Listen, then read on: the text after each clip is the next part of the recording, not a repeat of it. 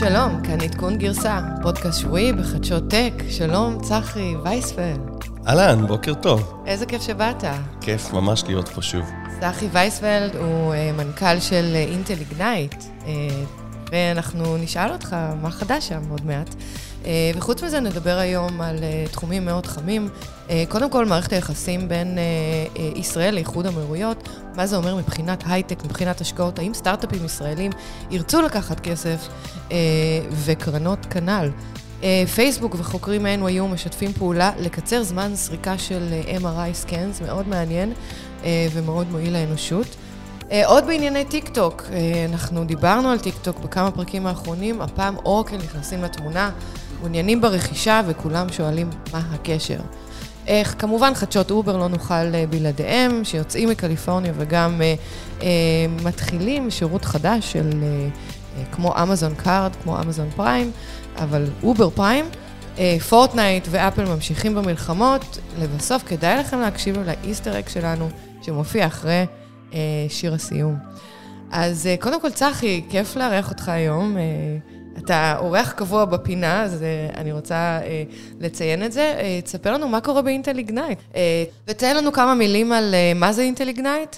אינטל איגנייט זה תוכנית הצמיחה לסטארט-אפים העולמית של אינטל, התוכנית של מנכ"ל אינטל, הוא מממן ישירות דרך המשרד שלו את התוכנית הזאת, והיא לוקחת חברות בשלבי uh, seed to A, בתחומים מאוד מאוד רחבים, לא מה שאנשים חושבים קלאסי אינטל, לאו דווקא צ'יפים, חברות SaaS כאלו ואחרות, היו לנו חברות consumer, חברות של materials, מקיפים אותם בכל מה שצריך כדי לעזור להם להצליח, אם זה בעולמות ה-sales וה-go to market, אם זה בעולמות הפיננסים, אם זה בעולמות הגישות לשוק, ה-marketing, הכל.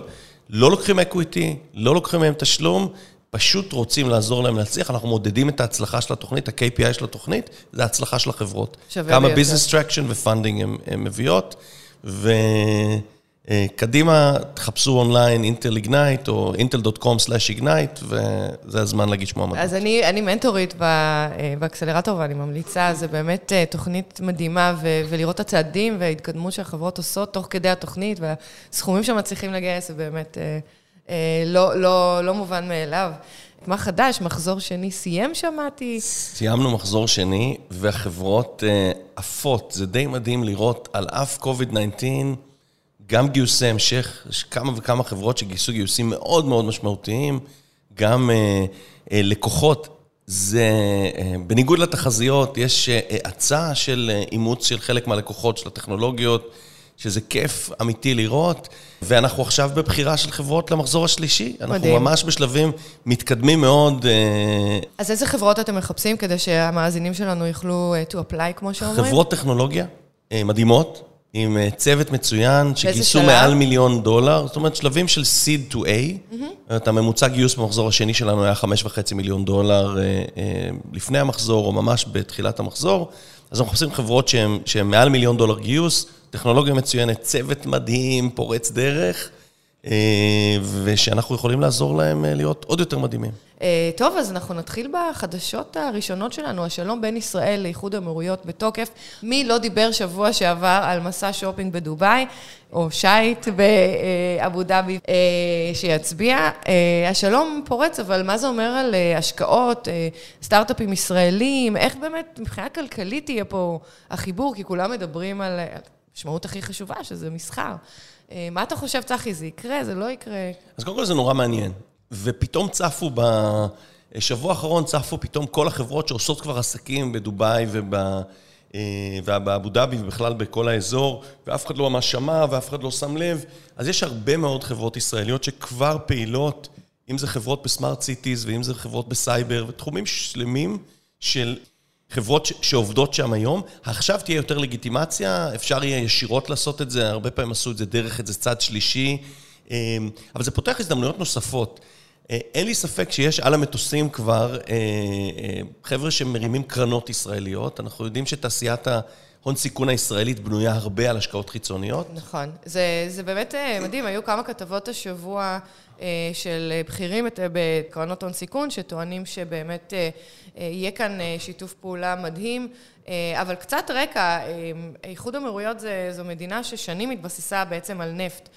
לא היה להם הרבה מה להציע מעבר לזה, ועכשיו אנחנו רואים שבעצם כולם מבינים שזה לא עתיד. דיברנו על איחוד האמירויות, על המסע למאדים, אחד הפרקים האחרונים, שבעצם הם משקיעים עכשיו בלבנות תוכניות חלל, ולפני כחודש הם שיגרו גשושית שתגיע למאדים. בעצם רואים את ישראל בתור פוטנציאל אדיר עם יותר מ-6,000 סטארט-אפ, מדינה שיודעת לעשות טכנולוגיה, יודעת לנהל סטארט-אפ, תחשבו ששם אין את זה, ובאמת מקור מטורף ללמוד, להתחדש וגם כמובן להשקיע, כי יש שם כספים אינסופיים. זה מאוד מעניין, זו מדינה, אתה יודע כמה אנשים גרים שם ככה? יש לך מושג?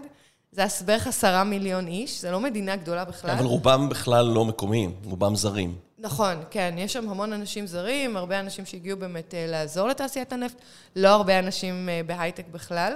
אני לא יודעת, אני, לי קשה לראות את זה קורה כל כך מהר. אני, אני מתה על אלה שאומרים, אנחנו כבר שם כי ידענו ועשינו, זה תמיד משהו ככה... יש דבר מדהים, לדעתי יש הזדמנות, אנחנו כל הזמן מדברים על שילוב של ערבים בהייטק הישראלי למשל. אחד הדברים ששנים, בניסיונות שלי לעבוד עם יזמים ערביים, אם זה בישראל או בריג'ן, היה ידוע שהכסף מגיע הרבה פעמים מדובאי או מאבו דאבי, אבל השתדלו לנתק את הקשר הישראלי, לא לחבר אותו חזק מדי, כי זה מכתים את הסטארט-אפ, והוא קשה לו אחרי זה להצליח בגלל זה. נכון. אני מקווה שזה יפתח הזדמנות גם להיות מסוגלים לבסס מימון על, על כספים שמגיעים משם, מוצרים שהולכים לעולם הערבי, אבל יש בהם גם קשר לטכנולוגיה הישראלית ולטכנולוגים ישראלים, ו, ויכולים להיות חלק מהאקוסיסטם. יכול להיות שיש פה עכשיו עוד איזשהו סיפור חיובי, באיך אנחנו יכולים לעזור ל... תעשיית ההייטק המקומית הערבית בתוך כל הריג'ן הזה. כן, אני לא רוצה להיות פסימית, אבל אתה יודע, השלום עם מצרים ב-1970 והשלום עם ירדן ב-1990, אמנם פתרו משברים ביטחוניים, אבל הם לא יצרו איזושהי יחסי מסחר או כלכלת הייטק מאוד מפותחת, למרות שהכסף קיים גם שם. לדעתי, הם בהחלט ירצו להשקיע, יש להם אינטרס מאוד חזק, אני לא בטוחה שהחברות פה, והזכרת חברות סייבר, קשה לי לראות חברת סייבר לוקחת מיידית כסף ערבי, למרות שעוד פעם, אנחנו ראינו את למונייד, למונייד זה סופטבנק, סופטבנק זה ערב הסעודית. אז מה התוכניות לעכשיו? אז השאלה מצוינת, הכוונה כרגע זה קודם כל לפתוח לשכת מסחר באיחוד אמירויות ובישראל, לעודד יחסי מסחר עד 500 מיליון דולר, בהמשך מדברים על שגרירות. מדובר כרגע במחקר מסוים על תחום הקורונה, בעיקר בקשרי תעופה, זאת אומרת שהתחילו להיות טיסות מסחריות וגם תקשורת, שהם יכולים בהחלט to benefit ממה שיש לנו בישראל. אתה יודע, ציטטו את הראל מרגלית באיזושהי כתבה בבלומברג, והוא טוען שהשקעות בקרנות הון סיכון יכולות להגיע עד ל-10% מההייטק הישראלי, של כסף מאיחוד אמירויות. אני קצת סקפטית, יש מלא כסף בישראל היום, הוא לא מגיע ממדינות ערב, מאוד רוצה שזה יקרה, אבל בוא נראה. ואני רק שואל את עצמי, האם לא השתתפנו הרגע בספין הגדול של התקופה האחרונה, להסיט את תשומת הלב ממה שקורה אצלנו למה שקורה מסביב. זה לגמרי נכון. אתה יודע, זה השלום עם. בוא נעשה שלום בפנים קודם. לא יודע אם יצא לך לעשות MRI? לא, טפו טפו. זאת חוויה לא כיפית. אתה, מכניסים אותך לתוך צינור, נורא קלסטרופובי, עכשיו הייתי צריך שני אזורים, גם בצוואר וגם בגב תחתון, אז שעה וחצי ביליתי בתוך מכונה קלסטרופובית לחלוטין, שמתקתקת לי בראש כל הזמן. ואין נטפליקס, אתה לא יכול לראות, כי אסור להכניס שום דבר מתכתי, אז אתה לא יכול לשבת ולראות... אפשר להשתמש בטלפון? לא, זה לא נעים, חוויה נורא לא נעימה. אז פייסבוק הגדולים הכריזו על זה שהולכים לעזור לנו גם עם את הבעיה הזאת, ואם היו להם עד היום את כל התמונות של הפרצוף שלי מכל הכיוונים, עכשיו יהיה להם גם תמונות של עמוד השדרה שלי. נהדר. זה, זה בדיוק כאילו מה שהם הכריזו אתמול, ואני חושבת שזה זה, זה דבר נורא מעניין, כי פייסבוק, מה לפייסבוק ולכל התחום של, של MRI scan או digital healthcare, אני חושבת שהרבה חברות הייטק היום גדולות בעולם מחפשות עוד שווקים, עוד אפשרויות כדי לצמוח ולגדול, כי הווליואציה שלהם כל כך גבוהה, ואתה יודע, הם צריכים להצדיק את זה. MRI לוקח המון זמן, כי עושים המון scans בגוף. זאת אומרת, זה scan אחרי scan אחרי scan, ובעצם מה שקורה זה שכל scan מעלה את הרזולוציה של התמונה. אז מה שפייסבוק עושים פה, וזה יתרון מאוד גדול שלהם, יש להם יכולות מאוד חזקות ב-AI, והשיטה הזו בעצם נקראת AI Imaging. יש להם יכולות לזהות אנשים, לזהות תמונות, לזהות אה, אה, פרצופים, למשל, אה, אחת הרכישות הידועות אה, של חברה אה, ישראלית. אה, והם בעצם יודעים לאמן מודלים של Machine Learning ו-AI אה, על סט נתונים. אז מה שהם הולכים לעשות זה בעצם לקחת סט נתונים של MRI ברזולוציה גבוהה וברזולוציה נמוכה.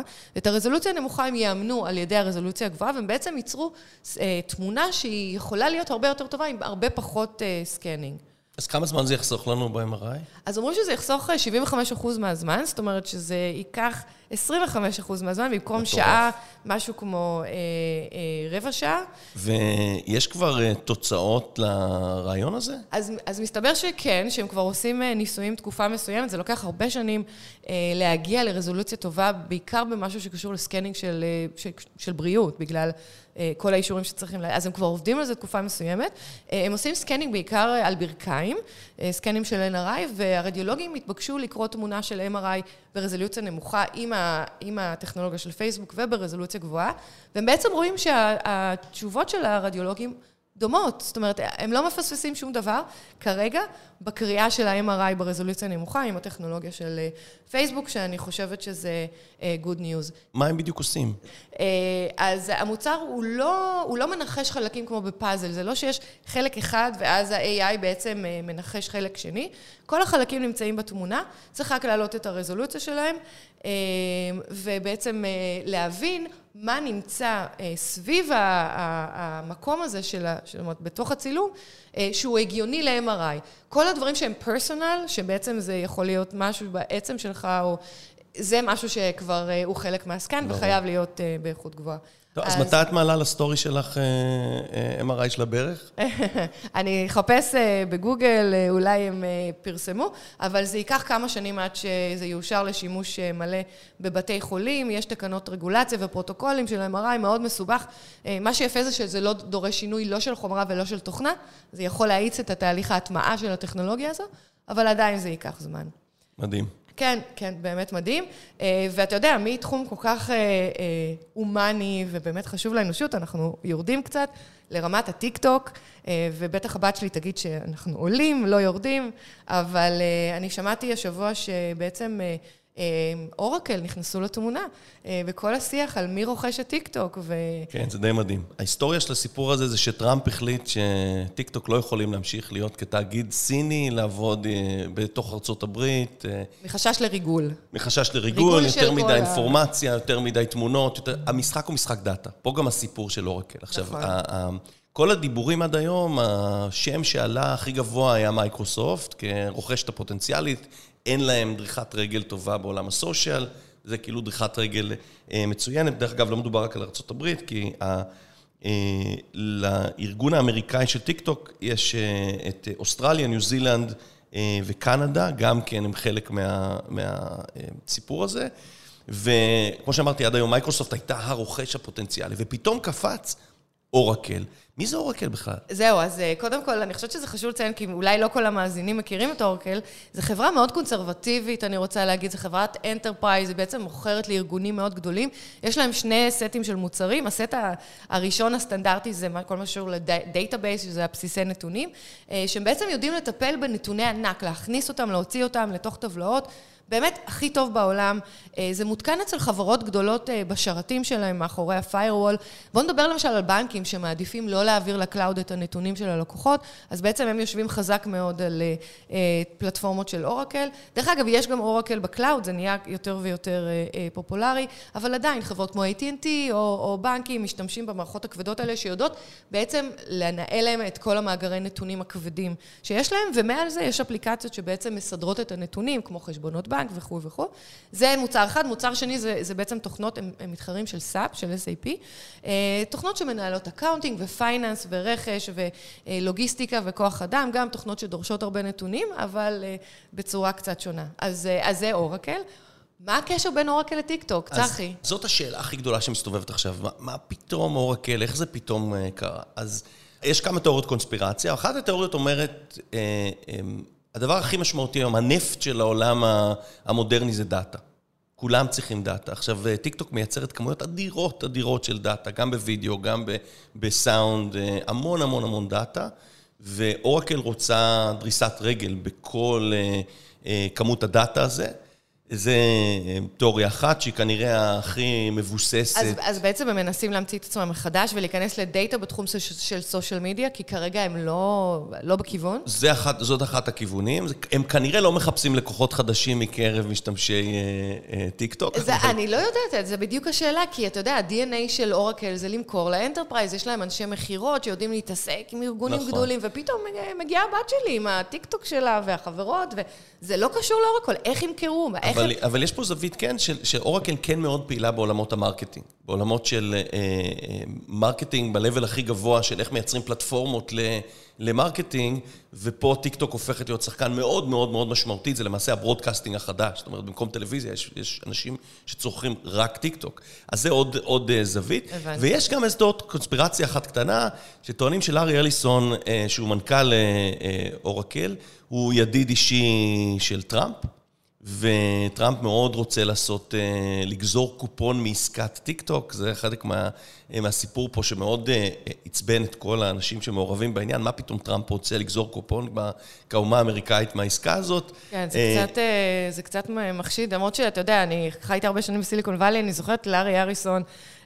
האישיות הזו של היזם המטורף, הוא בנה איזה בית שנראה כמו מקדש בוודסייד, שזה אחד ה suburbs של... אה, לא רחוק מסן פרנסיסקו, ויש לו מלא מכוניות פאר ומטוסים, והוא היה מגיע למגרש חנייה של אורקל ועושה חרקות שם, אה, וכל העובדים היו רואים, אז כן, יש לו איזו אישיות ככה, שהיית יכולה לראות את החיבור. כן, אז אפשר לראות את זה קורה, אבל אנחנו כנראה נדע בזמן הקרוב מה, מה יקרה שם. תגיד, ו- ובידי מי החלטה בעצם מי יקנה את החברה? זה, יש איזו השפעה על הממשל הסיני? יש כאן איזשהו אה, משהו שהוא יותר פוליטי? מי, מי הבעלים של טיקטוק? אז אה, החברה שהבעלים של טיקטוק זה חברת בשם בייט דאנס.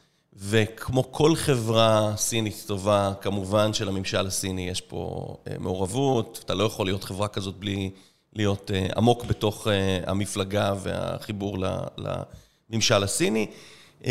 שוב, יש הרבה שאלות, הרבה אתגרים לא טריוויאליים בעסקה הזאת. ריליינס ההודית מתעניינת ברכישה של חלק. ואז נשאלת השאלה, האם איזה תאגיד אמריקאי ירצה להיות שותף של רילייאנס בחלק מזה? זהו, שמייקרוסופט בטח לא יסכימו, מייקרוסופט, אני מניחה, ירצו את כל, ה... נכון. אה, את כל, התומו... את כל החברה. קיצור, מעניין מאוד. זה, זה אה, אופרת סבון מעניינת, אה, שיש בה שחקנים עם הרבה מאוד אמוציות ו... זה מדהים ההבדל בין, אתה יודע, ממשלות ו... ופוליטיקה וטיק טוק. כן. זה, זה נחמד, זה נחמד מה הייטק עושה לעולם. כן, לגמרי. אה, טוב, אז אה, חדשות אובר, אנחנו שומעים שאובר אה, מוציאה אובר פריים, שזה בעצם איזשהו, כמו כרטיס שנותן הנחות למשתמשים באובר. יש לך הרבה, הרבה חברים בוואלי שלא הולכים ליהנות מהכרטיס הנחות הזה, נכון? תכף נסביר את הסיפור כן, של... כן, כן, כן, יש לנו פה גם חדשות מפתיעות שאובר וליפט יוצאים מקליפורניה. אני חושב שזה, ה big news זה שאובר וליפט הודיעו שהשבוע, למעשה הם מפסיקים את הפעילות שלהם בקליפורניה. עכשיו, אין Californian שלא לא משתמש באובר, אנשים נטשו מזמן את הרכבים הפרטיים שלהם ועברו ל... אני חייבת לציין בכלל שכשאובר נכנס, אני עדיין חייתי שם, זה, זה יצר מהפכה מטורפת, כי סיליקון וואלי הוא בעצם בנוי מ suburb, זה פרברים. זה לא שאתה יוצא ו- ולוקח אוטובוס בכל פינה ויש מוניות שמסתובבות ואתה מרים את היד ו- ונוסע. זה לא, אתה צריך להזמין מונית, לוקח שעות עד שמונית מגיעה. נכון. אם אתה רוצה לתאם נסיעה לשדה תעופה, אתה צריך לקבוע אותה יומיים מראש, המחיר הוא מאוד גבוה. אה, ובעצם אובר עשתה פה איזשהו שינוי מהפכני מהרגע שהיא קיימת. ילדים כבר הפסיקו לעשות רישיון נהיגה. לגמרי. יש להם את היכולת, הם, הם, הם, אתה יודע, הם נורא אוהבים לשתות, אז הם יכולים לנסוע, אה, זה, זה הרבה יותר בטיחותי. זה מאוד מאוד נוח. אז מה קרה? למה אובר יוצאים לקליפורניה? אז ככה, בספטמבר 2019 עבר, אה, עברה לדיסלציה בקליפורניה, שלמעשה בהרבה מאוד מה, מהתחומים שבהם יש פרילנסרים, הם הכריחו את אלו שמעסיקים את הפרילנסרים להתייחס אליהם כאל עובדים מלאים. זה אומר כל ההטבות הסוציאליות, זה אומר מניות, זה אומר כל מיני דברים. ולמעשה החודש, אה, אובר וליפט, כאחד הגורמים העיקריים שמעסיקים מאות אלפי אנשים, אה, נהגים, כפרילנסרים, היו אמורים להכניס אותם כעובדים מלאים של החברה, וזאת בעיה, כי שתי החברות האלו הן חברות שלא מרוויחות כסף עד היום. נכון, זה מודל עסקי אה, אה, כושל, אנחנו יודעים נכון. את זה. והדבר הזה היה עולה להם אלפי דולרים לעובד, להוסיף אותם כ, כעובד מלא בחברה. החברות האלה, שוב, כמו שאמרתי, לא מרוויחות כסף עד היום, זה היה ממוטט אותם לחלוטין. מדברים על משהו כמו 3,000 דולר לעובד, אה, להפוך אותו בעצם לעובד חברה שמקבל benefits. דרך אגב, ואז גם הם צריכים לשלם עליו מיסים. נכון. אה, אז בעצם כל, אה, קליפורניה נלחמת בכל מה שנקרא gig economy, ואובר וליפט אומרים, אנחנו לא מוכנים, תודה רבה, והם בעצם פותחים נכון. בשביתת רעב ומודיעים שהם יוצאים מקליפורניה, זה היה השבוע. נכון. אז נחזור למה שאמרת מקודם, יש בארצות הברית היום, אתה יכול לקנות אה, כרטיס אובר כזה, שמאפשר לך הנחות והטבות מיוחדות באובר, לא בקליפורניה. זהו, שאני קצת מופתעת מה, מה, מהכרטיס החדש הזה, כי אובר באמת נמצאת בקשיים, אה, ולא בגלל הקורונה, גם לפני הקורונה אנחנו רואים שיש בעצם צמיחה במכירות, הם לא רווחיים אה, עדיין, אה, מחיר המניה הולך ויורד, אה, ומצד שני, הם יוצאים פה עם כל מיני מבצעי פריים, הנחות באיזה, דרך אגב, בין 10 ל-15 אחוזים הנחה על כל נסיעה, כולל Uber Eats.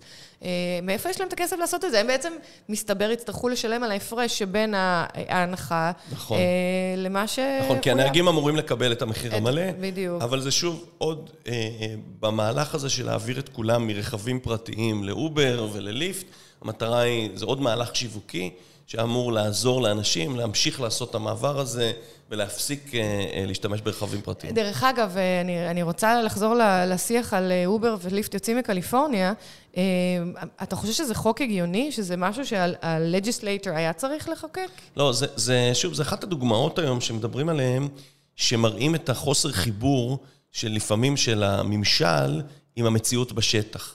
וכמה אה, הרעיון התיאורטי הנחמד הזה של לבוא לדאוג לכל העובדים האלה, בסופו של דבר תורגם לזה שיש כמה מאות אלפי מובטלים חדשים, במקום שיהיו אנשים שייהנו מהמצב. אז, אז מדובר על אה, מאות אלפי מובטלים בקליפורניה, ברגע, מיום שישי הקרוב, ברגע שאובר וליפט אה, יצאו, בסביבות ה-300 אלף מובטלים רק, ל, רק לאובר ועוד איזה 200 לליפט. זה די נורא, אני חושבת שבמקרה הזה באמת הממשל, אה, אה, הוא לוקח את עצמו, הוא מפגין כוח ריכוזי ללא התחשבות. אני אפילו אקרא לזה ללא צניעות, כי הוא מתערב פה בחיים של אלפי אנשים בזמן קורונה, ולא תהיה להם עבודה אחרת. אז דרך אגב, מה, ש, מה שהולך לקרות, זאת אומרת, זה לא סוף הסיפור. אה, בנובמבר יש בחירות, ואחד הסעיפים בהצבעה, שכל אזרח מצביע, אה, יהיה, בקליפורניה, יהיה האם אה, לאפשר לאובר וליפט להמשיך לפעול כסדרם, זאת אומרת, בתור גיק אקונומי. עם עובדים שהם לא עובדי חברה. אה, רק ככה להסביר למאזינים, הבחירות בארצות הברית זה לא בחירות לנשיאות, כמו בארץ שאתה מצביע למפלגה, או לא משנה, מצביע לנשיא. כל אזרח בעצם מקבל גם רשימה של שאלות שקשורות לקאונטי שלו, לסטייט שלו, ובוחר ובעצם מצביע על חוקים חדשים, אה, וזה יהיה אחד החוקים. אני חושבת שזה באמת אה, חוק מאוד הגיוני, לדעתי זה יחזור, אני לא... כן, לא אומרים שזה גם שיעור בצניעות של המחוקק, לנסות להבין...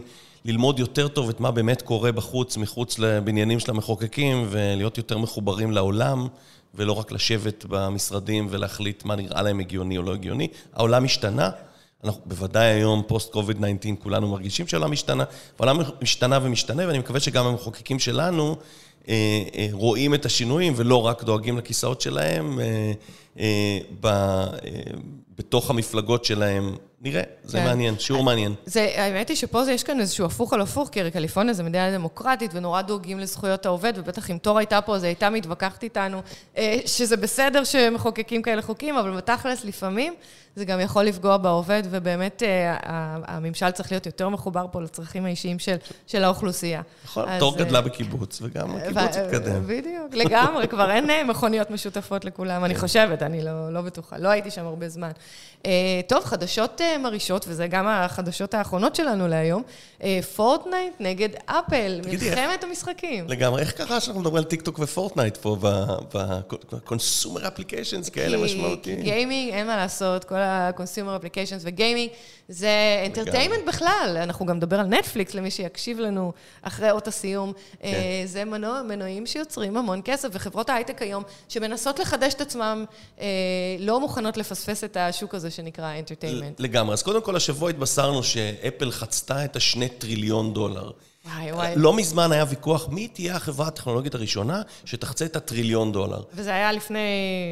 לא יודע, מעט מאוד זמן, אה, קצת יותר, אבל, אבל אה, אה, פתאום יש לנו את אפל שחצתה את השני טריליון דולר. עכשיו, איך קורה הקסם הזה? זה, אז מעבר לזה שכולנו נורא אוהבים את האייפונים שלנו ואת המקים שלנו וכולי, ה App Store הוא מפתח מאוד גדול בהכנסות האלה. אפל לוקחת 30 אחוז. מכל מה שאתה מוכר ב App Store, וכל ה-in-app purchases וכולי. ולא רק שהיא לוקחת, היא לא מאפשרת לך למכור מחוץ ל App Store. זאת אומרת שכל בן אדם שמפתח איזושהי אפליקציה ושם אותה בחנות האפליקציות של אפל, או וגם של גוגל, אה, הוא בעצם צריך לשלם 30 אחוז מהרווחים שלו למיסטר... שזה מטורף. כן, כן. ואז באו פורטנייט, ואמרו Epic Games למעשה, ואמרו, עד כאן. אנחנו לא מוכנים להיות פראיירים. כן, ואז הם הוציאו קמפיין, הם הוציאו קודם כל... אה, אה, הנחה של 20% למי שקונה מחוץ לפלטפורמה של אפל, יכול לקנות את, ה, את כל הדברים שהוא רוצה לקנות לתוך המשחק, יכול לקנות מחוץ ישירות באפיק, אה, אה, בפורטנייט, ואפל מאוד מאוד לא אהבו את זה. הדבר הראשון שהם עשו זה הם זרקו את פורטנייט מחנות האפליקציות, זאת אומרת, כל מי שאין לו כרגע פורטנייט לא יכול להוריד פורטנייט, מי שיש לו לא יכול לקבל עדכונים למוצר, ויותר מזה, או חמור מזה, עד סוף החודש, הם אה, גם זורקים את, את אפיק אה, כ-Developer Platform. זאת אומרת שאם יש לי למשל מחשב של אפל, עכשיו אני לא נכנסת דרך הטלפון כי זה כבר לא בחנות האפליקציות, יש לי מחשב של, אה, יש לי Mac, דרך אגב, לאחרונה סיפרתי למאזינים שעברתי מ-PC ל-Mac אחרי כל כך הרבה שנים ואני ממש מבסוטית, אני לא יכולה לשחק פורטנייט. לא שאני משחקת פורטנייט, אבל אני לא יכולה לשחק פורטנייט, ולהרבה אנשים זה באמת אה, בשורה לא טובה. כן, אבל מה שקרה במקביל זה שהם התארגנו, זאת אומרת, אה, אה, אפיק התארגנו כמו שצריך לסיפור הזה. זה לא שהם... הם תיארו לעצמם שזה יקרה. הם בנו קמפיין מסודר. עכשיו, למעשה, מיד אחרי שאפל הודיעו שהם זורקים אותם מהחנות, הוגשה תביעה על ידי אפיק, 65 עמודים שמספרים למה אפל מתנהגים כמונופול דורסני. וצריך להפסיק, אה, אה, בית המשפט צריך לא לאשר לאפל להמשיך להתנהל בצורה הזאת ולגבות 30 אחוז על כל, על כל עסקה. ולא רק שהם הוציאו את התביעה הזאת, אלא מיד אחרי זה הם הוציאו קמפיין יפהפה, שלוקח את הקמפיין ההיסטורי של אפל, של החומה, 1984, אה, ולמעשה מייצר עליו גרסה, פרודיה למעשה של אפיק על הסרטון ההוא, שמראה שאפל למעשה הם the evil. אה, והם אלה שמייצרים את החומה, ומעניין מאוד לראות את זה, ומה הם עושים, הם גם משתמשים בפלטפורמה בפורטנייט.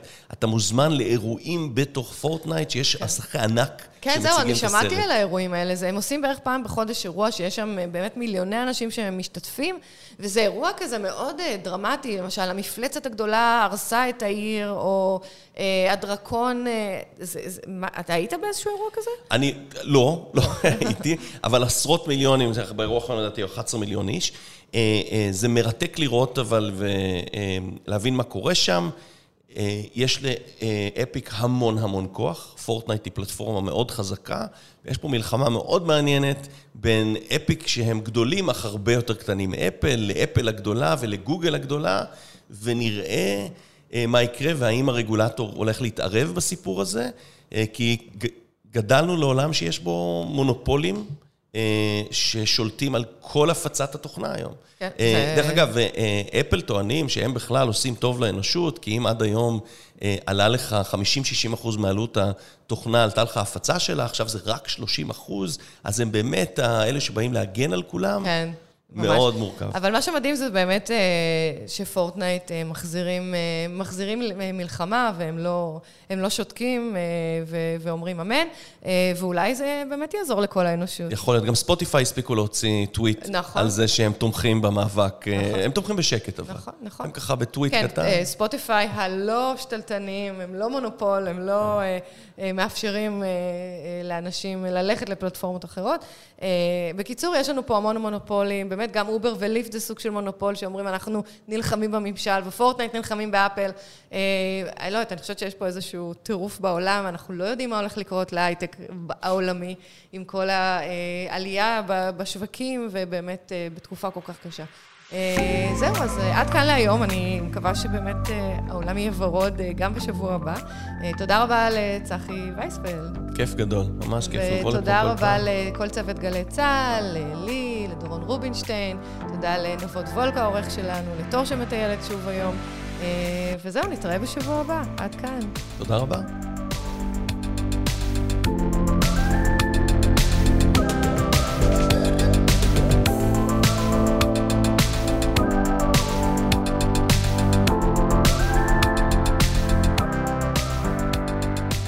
קראתי שהולך להיות אה, כפתור shuffle בנטפליקס. כמו שאתה מערבב מוזיקה, אתה הולך לערבב סרטים? שמעת על זה? כן, כן, שמעתי. האמת שיש כבר אנשים שראו את זה אפילו בממשק שלהם, שהופיע כל מיני ניסיונות לסוג הכפתור הזה. יש דיון שלהם על, על כמה discovery בנטפליקס הוא טוב, וכמה נטפליקס דוחפים קצת את ה... חומר של עצמם. אז זהו, אז אני, אני לא יכולה לתאר לעצמי, יושבת עם כל המשפחה, אה, ככה מול, ה, מול הטלוויזיה, אנחנו דרך אגב תמיד יושבים שעה ולא מצליחים להחליט איזה סרט. אז במקרה הזה לוחצים על הכפתור של ה shuffle, מופיע סרט, וכתוב למטה, inspired by הספיידרמן האחרון שראית. כן, כמובן, אה, הבן שלי, אה, מישהו ראה ספיידרמן, ועכשיו אני צריכה להיתקע מול סרט שקשור לספיידרמן. זה נראה לך המלצה טובה, רע? מה זה מקדם בכלל? אני לא יודע, אנחנו נראה, זה באמת בא לפתור את הבעיה הזאת שיושבים, אתה יושב 40 דקות מול נטפליקס, מנסה לבחור משהו לראות. האמת היא שמנוע ההמלצות שלהם די גרוע, אני חייבת נכון. לציין, אני מקבלת פעם בשבוע לאימייל שלי אה, כל מיני המלצות, ואף אחת מהן לא קשורה בעליל אה, לדברים שאני רוצה לראות, לא לסדרות, לא לסרטים.